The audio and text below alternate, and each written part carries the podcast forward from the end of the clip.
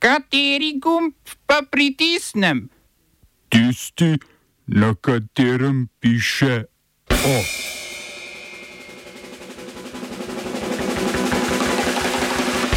Državni svet z vetom na zakon o dolgotrajni oskrbi državni zbor v ponovno potrditev že danes.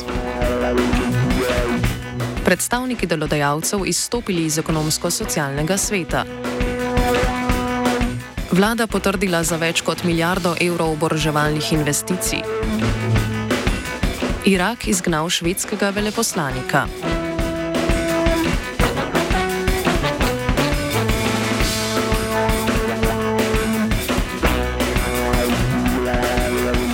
Vlada je sprejela spremembe načrta razvojnih programov do leta 2026 in za oboroževanje predvidela debelo milijardo evrov. V načrt je vlada uvrstila projekt bojna kolesna vozila za izgradnjo srednjih sil slovenske vojske. Za 106 bojnih osemkolesnikov bo vlada namenila skoraj 700 milijonov evrov. Premijer Robert Golob se je na vrhu Zveze NATO prejšnji teden glede dobave osemkolesnikov pogovarjal s finskim in polskim predsednikom. V oddaji Globus na televiziji Slovenija so po neuradnih informacijah poročali tudi o ponudbah Romunije, Turčije in Združenih držav Amerike. Oklepnike bo vlada kupila z namenom vzpostavitve srednje bataljonske skupine in izvidniškega bataljona za zadovoljitev zahtev NATO.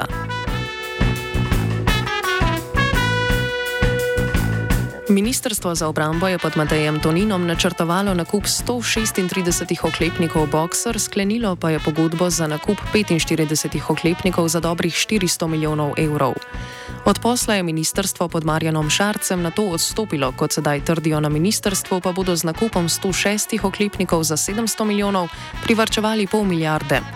V oddaji 24 ur zvečer je obrambni minister Marjan Šarec vrčevanje zagovarjal tako. Uh, jih je uh, točno 106. Uh, prejšnji obrambni minister pa pozabi povedati, za njegov program v celoti bi jih potrebovali 136, se pravi 45 ni nič.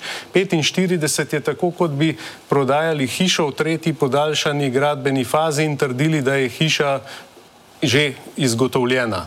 Te, in zato smo mi iz teh 136 vozil prišli na 106 vozil, kar je bistvena razlika in, že, eh, in pri tem štejemo tudi prihrane glede na celoto in za tisto, kar bi prejšnja vlada z bokseri, ko bi jih nakupila 136, toliko kot bi dala prejšnja vlada za, samo za 8 kolesnike, s tem denarjem bomo mi kupili še drugo opremo. Ampak tisto, ki smo jo... piše, da bi prejšnja vlada šla sploh v ta nakup, ne? Se vidite, da se dnevno spreminjajo stvari, ne? Ne... Se pravi, vi v bistvu ste privečevali nek imaginaren denar, ki ga v resnici sploh še nismo če, zapravili. Če ne, bi šla, če ne bi šla v celoten nakup, potem srednje bataljonske bojne skupine in izvidniške vojaškega bataljona ni in je to zavajanje. Mi smo se odločili, da bomo srednjo bataljonsko bojno skupino in izvidniški bataljon postavili usporedno, da jo bomo postavili v celoti, zato da bo ta zmogljivost zgrajena. Kajti dokler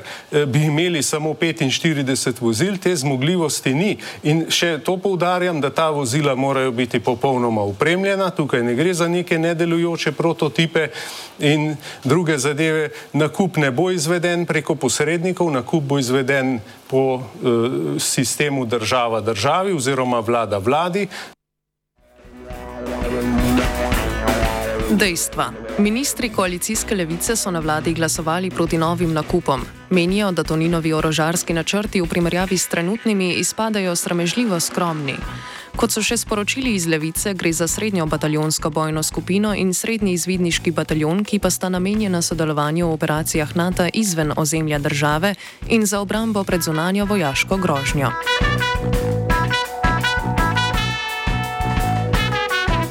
Poleg nabave osem kolesnikov je vlada v načrt razvojnih programov uvrstila nov sistem kopenske zračne obrambe, za katerega je predvidela 200 milijonov evrov.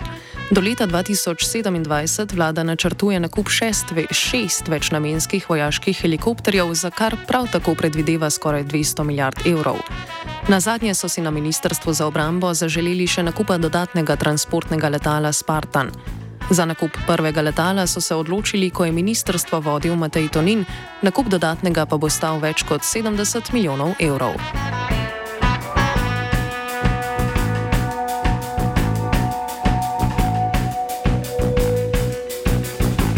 Vlada je sprejela tudi dokapitalizacijo Republiškega stanovanskega sklada. Po besedah ministra za solidarno prihodnost Simona Maljevca gre za največje povečanje premoženja sklada v zadnjih 20 letih. Sklad bo država dokapitalizirala s 25 milijoni evrov.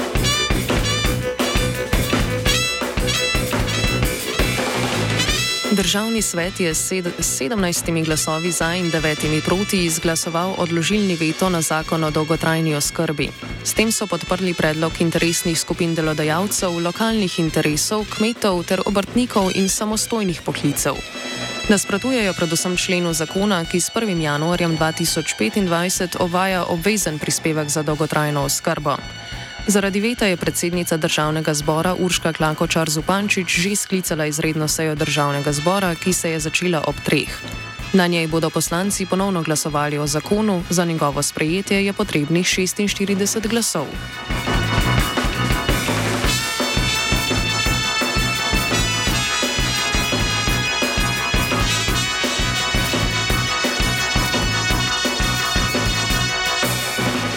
Državni svetniki, ki so veto podprli, trdijo, da je vlada zakon o dolgotrajni oskrbi v državni zbor poslala brez razprave na ekonomsko-socialnem svetu. Zato so predstavniki delodajalcev iz sveta začasno izstopili. Iz sveta so izstopili predstavniki gospodarske zbornice, trgovinske zbornice, obrtno-podjetniške zbornice, Združenja delodajalcev ter Združenja delodajalcev obrti in podjetnikov. Predsednik Združenja delodajalcev Slovenije Marjan Trobiš vlogo delodajalcev v zadnje čase vidi kot le vlogo statistov, pri čemer pa nočejo sodelovati. Delodajalce moti tudi predlog zakona o delovnih razmerjih, ki so ga pripravili na Ministrstvu za delo. V ekonomsko-socialnem svetu delodajalci ne bodo sodelovali, dokler imajo občutek, da med njimi vlado in delojemalci v svetu ne obstaja enakopraven tripartitni odnos. Maja 2021, v času vlade Janeza Janše, so iz ekonomsko-socialnega sveta izstopili predstavniki sindikatov, zato je bil socialni dialog zamrznjen do julija, julija lani, ko je nastopila nova vlada.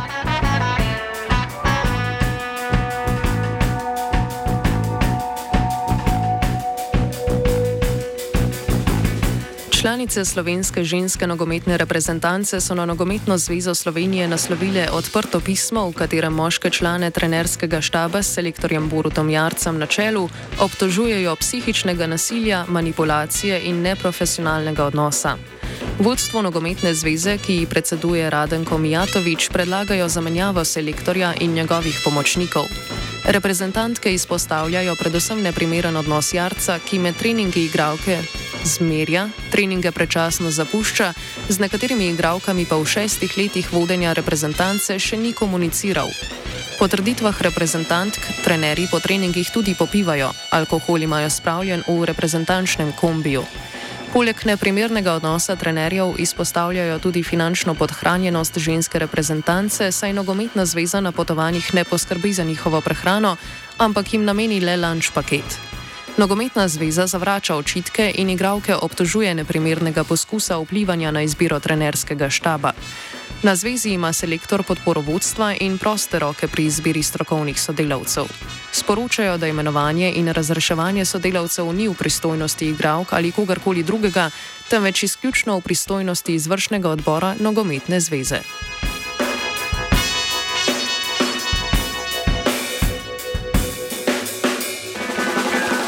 Nadaljujemo na tujem. Narodna skupščina Republike Srpske je sprejela novelo kazanskega zakonika, s katero kriminalizirajo obrekovanje.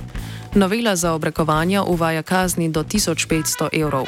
Bosanska podružnica organizacije za nadzor svobode govora Transparency, Transparency International je novelo označila za premik vlade kot prti represiji svobode govora.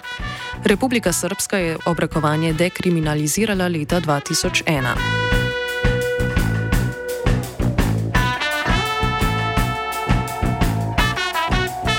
Visoki predstavnik Evropske unije za zunanje zadeve Giusepp Borrell je na srečanju zunanjih ministrov unije predstavil načrte Evropske unije za dodatno financiranje ukrajinske vojske. Načrtujejo sklad, ki bi obsegal 20 milijard evrov, porabili pa bi ga za financiranje orožja, streljiva in druge vojaške pomoči za obdobje štirih let.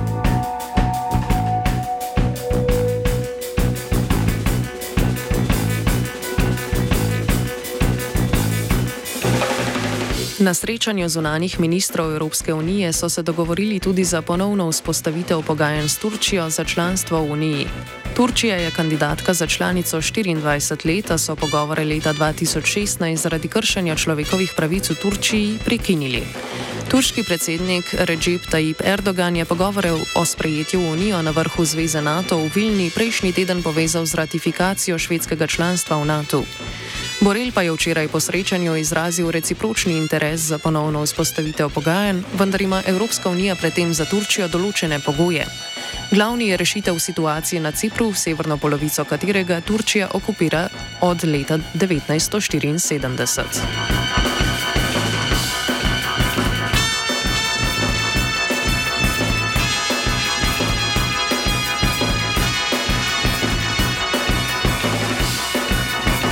Nizozemska vlada je končala embargo na izvoz orožja v Turčijo, Saudovo Arabijo in Združene arabske emirate. Izvoz v Turčijo so omejili leta 2019 po vdoru turške vojske v severno Sirijo, v Saudovo Arabijo in Združene arabske emirate pa zaradi vojne v Jemnu. Delno so embargo Turčije končali že leta 2021, od takrat mora namreč turška vlada dokazovati, da nizozemskega orožja ne uporabljajo v Siriji. Vlada napoveduje, da bodo še vedno nadzirali uporabo orožja v Siriji in Jemnu, a bodo drugače orožje v te države izvažali brez omejitev. Vseeno pa vlada zadržuje pravico, da določene transakcije zadrži. Uradno je vlada spremembo uvedla zaradi želje po vključitvi v skupno politiko Francije in Nemčije za izvoz orožja v tretje države.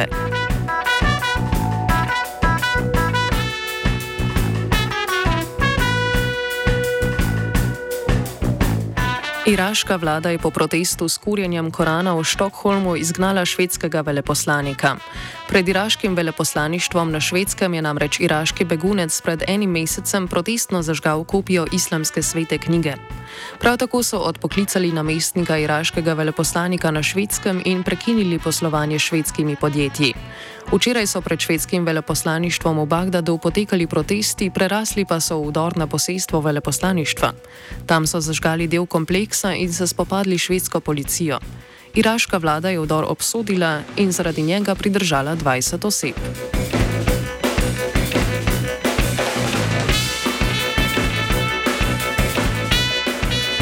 Na nadomestnih volitvah za zamenjavo treh poslancev, med drugim Bor Borisa Johnsona, so v Veliki Britaniji vladajoči konzervativci ohranili enega poslanca. Drugi sedež je osvojila največja opozicijska laboristična stranka, tretjega pa stranka liberalnih demokratov.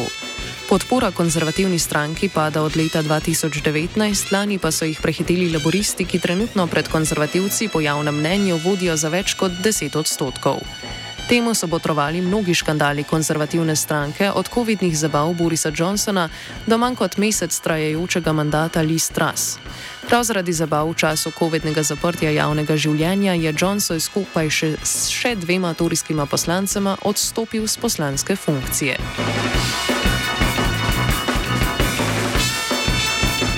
Of je pripravil Luka.